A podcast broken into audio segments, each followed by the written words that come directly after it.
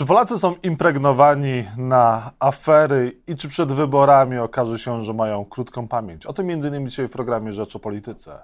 Jacek Nizinkiewicz, zapraszam. Poseł koalicji Michał Szczerba, Platforma Obywatelska, współautor książki Wielkie Żniwa, jak PiS ukradł Polskę, jest Państwa i moim gościem. Dzień dobry, panie pośle. Dzień dobry panu, dzień dobry państwu. Dlaczego Polska jest chora i trawi ją zło, jak piszecie z Dariuszem Jońskim w tej książce? Dlaczego jest chora i dlaczego ją trawi ją zło? Przede wszystkim, bo są ludzie, którzy 8 lat temu uznali się za właścicieli Polski i e, zrobili wszystko, żeby dokonać prywatyzacji państwa, ale również w naszej opinii, taką mamy z Dariuszem Jońskim tezę, przygotowywali e, grunt e, pod e, kraj wielkiej korupcji. Wielkiej korupcji, czyli zgodnie z definicją to takie państwo, gdzie wszystko zależy od władzy i wszystko jest po uważaniu, wszystko jest partykularne. Czy chodzi o dostęp do dóbr, dostęp do dotacji, dostęp do zamówień, czy też dostęp do stanowisk. Wszystko jest, zależy od jednego środowiska politycznego, od jednej partii, która czuje się właścicielem i która traktuje kraj jako swoją zdobycz, po prostu jako swój łup.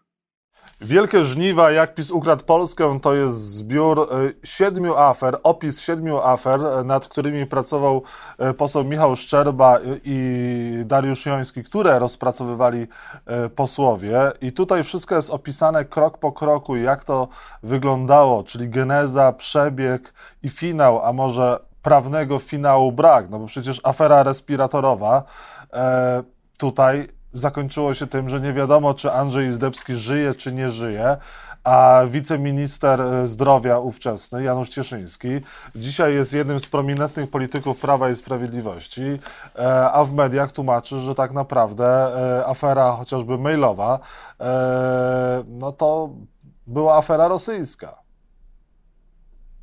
Nie, no panie redaktorze, no tutaj mamy mm, czarno na białym przedstawione fakty i z Dariuszem Jońskim nawet nam nie, nie, nie wpadliśmy na taki pomysł, żeby pisać książkę. Do nas zadzwonił po prostu Jerzy Ilk, redaktor e, Znaku i mówi, panowie, robicie świetną robotę, demaskujecie te wszystkie afery, ale ludzie o tym wszystkim zapomną. Trzeba, e, trzeba dokonać jakiegoś podsumowania tego wszystkiego, żeby nawet wtedy, kiedy PiS straci władzę, żadna kolejna władza nie ośmieliła się potraktować tak państwa, jak zrobiła to, to ta. I, e, e, I w związku z tym ta książka powstała e, i również pokazujemy, że ten ciąg dalszy nastąpi, ponieważ każda z tych afer, a wybraliśmy tylko siedem ze względu również na objętość książki, powinna mieć swój finał, ale nie finał w książce, tylko finał w prokuraturze i w sądzie. A winni tych zaniechań, winni tych przestępstw, niegospodarności, marnotrawienia środków e, powinni zostać ukarani. Ale nikt właśnie nie został ukarany za żadną z tych siedmiu e, afer. E, za aferę respiratorową no, nikt. Szpitale tymczasowe, chaos narodowy w trakcie pandemii, również nikt. E, kto hoduje Bąkiewicza, czyli kosztowny krużganek oświaty, to jest rozdział trzeci. E, pan Bąkiewicz jest bohaterem obozu Prawa i Sprawiedliwości, a może nawet e, kandydatem na przyszłego posła, jak słychać. Ile kosztuje poseł PiS, czyli fucha dla Kołakowskiego?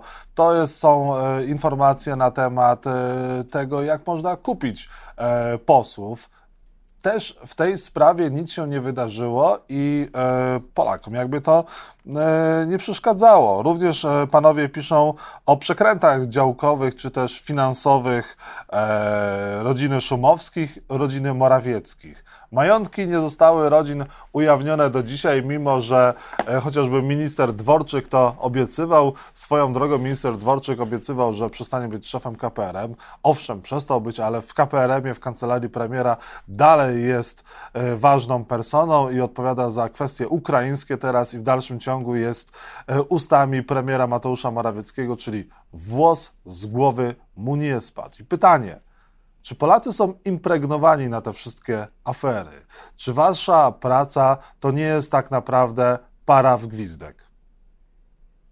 Nie no, panie redaktorze, no przede wszystkim e, te afery trafiają e, do elektoratu pisowskiego i e, to, że Adam Bielan w ostatnich tygodniach po takim swoistym zniknięciu na kilka tygodni musiał biegać jak kot z pęcherzem od mediów do mediów i się tłumaczyć, no to była oczywiście dyspozycja Nowogrodzkiej, że jednak ta afera NCBR-u, te dwa przykłady 26-latka, który okazał się słupem, a który miał mieć projekt na 55 milionów złotych, one przeniknęły do elektoratu, do wyborców PiSu i każdy sobie zadaje pytanie. Ja byłem ostatnio z posłem Jońskim w gminie w mieście Halinów pod Warszawą, gdzie 55 milionów to jest budżet całego miasta na rok, budżet inwestycyjny. Na drogi, na budowę szkół, na budowę boisk, na oświetlenie i tak dalej, i tak. Ludzie sobie zadają pytanie, jak to jest możliwe, że w państwie PiS doprowadzono do takiej sytuacji, że takie sytuacje mogły się zdarzyć, czy potencjalnie były bardzo blisko do tego, żeby się zdarzyć, bo chciałbym zwrócić jedną uwagę. Ta cała ekipa Bielana w NCBR-ze w tej sprawie, w tej konkretnej sprawie 26-latka nie złożyła zawiadomienia. E, pan dyrektor Kuch, który jest dyrektorem od Bielana, złożył zawiadomienie wyłącznie w sprawie e, białostockiej spółki i 123 milionów. To był projekt, można powiedzieć, nawet konkurencyjnych grup w ramach e, samej partii republikańskiej. Więc każda z tych afer ma swoje drugie życie. My, szanowni państwo, my, panie redaktorze, mieliśmy na przykład wrażenie, że afera respiratorowa już się kończy i w pewnym momencie dokonujemy z posłem Jońskim kontroli, kontroli w MSZ-cie. I z kontroli w MSZ-cie wychodzą nowe kwiatki.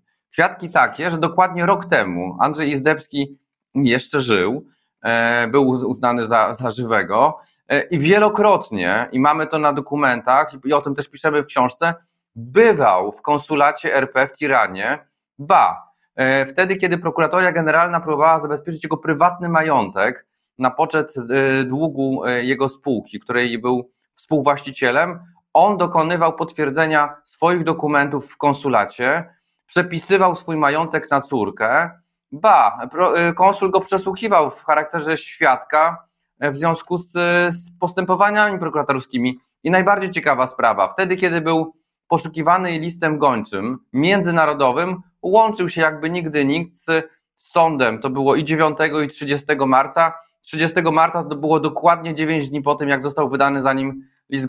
Nikt się nie zainteresował jego, jego sytuacją, nikt nie próbował go ściągnąć do Polski, chociaż mieli go po prostu na widelcu.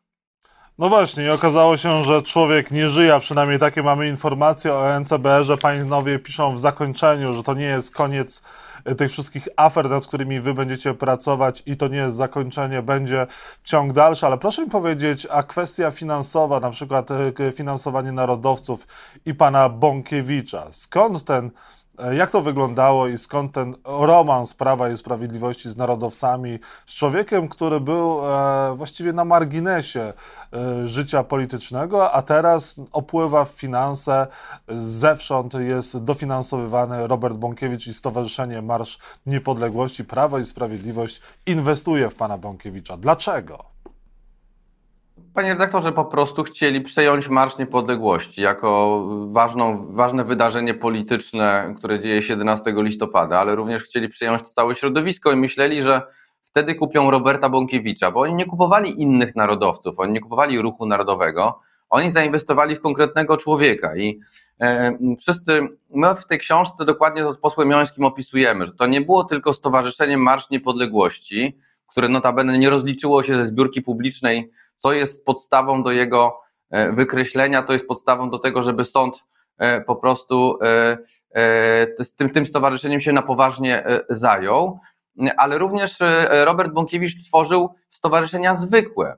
Nasi widzowie, oczywiście słuchacze wiedzą, że stowarzyszenia zwykłe to są stowarzyszenia, które może założyć każdy. Ja z panem dzisiaj i, i, i jeszcze jednym kolegą. Musimy mieć trzech członków piszemy na jednej kartce papieru regulamin, zgłaszamy do starosty i zakładamy stowarzyszenie zwykłe, które nie musi być zarejestrowane w sądzie. Takie dwa stowarzyszenia zarejestrował e, Robert Bąkiewicz. Jedno nazywa się Straż Narodowa. To jest to stowarzyszenie, które dostało e, milion siedemset tysięcy na zakup nieruchomości, można powiedzieć takiego Soplicowa, bo ono miało taką nazwę. My dotarliśmy z posłem Jońskim do dokumentów, dotarliśmy do umowy, dotarliśmy do, do faktur. Bąkiewicz łącznie e, dzięki dotacjom z Funduszu Patriotycznego zakupił dziewięć samochodów, bardzo różnego rodzaju, od, od samochodów e, osobowych, przez minibusy, przez samochody dostawcze, ciągnące takie lawety z reklamą i tak dalej, i tak dalej. My do końca nie wiemy w tej chwili, także w związku z zamieszaniem w Stowarzyszeniu Straż, Stowarzyszenia Marsz Niepodległości, co się z tym majątkiem dzieje i pytaliśmy się ostatnio Instytut Dziedzictwa Narodowego Romana Dmowskiego, czy oni w ogóle kontrolują, co się dzieje z majątkiem, za który, e, który został wyprowadzony, za który został zakupiony majątek, e, w tym te samochody, drony, e, innego rodzaju sprzęt, nad którymi nie ma już teraz w tej chwili nikt kontroli. Niesamowite w tej książce też jest to, jak opisujecie, podsumowujecie afery związane z rodziną Szumowskich i Morawieckich, a właściwie swego rodzaju taką pajęczynę finansową, E, która otoczyła, czy też e, roztoczyła rodzina Morawieckich i Szumowskich.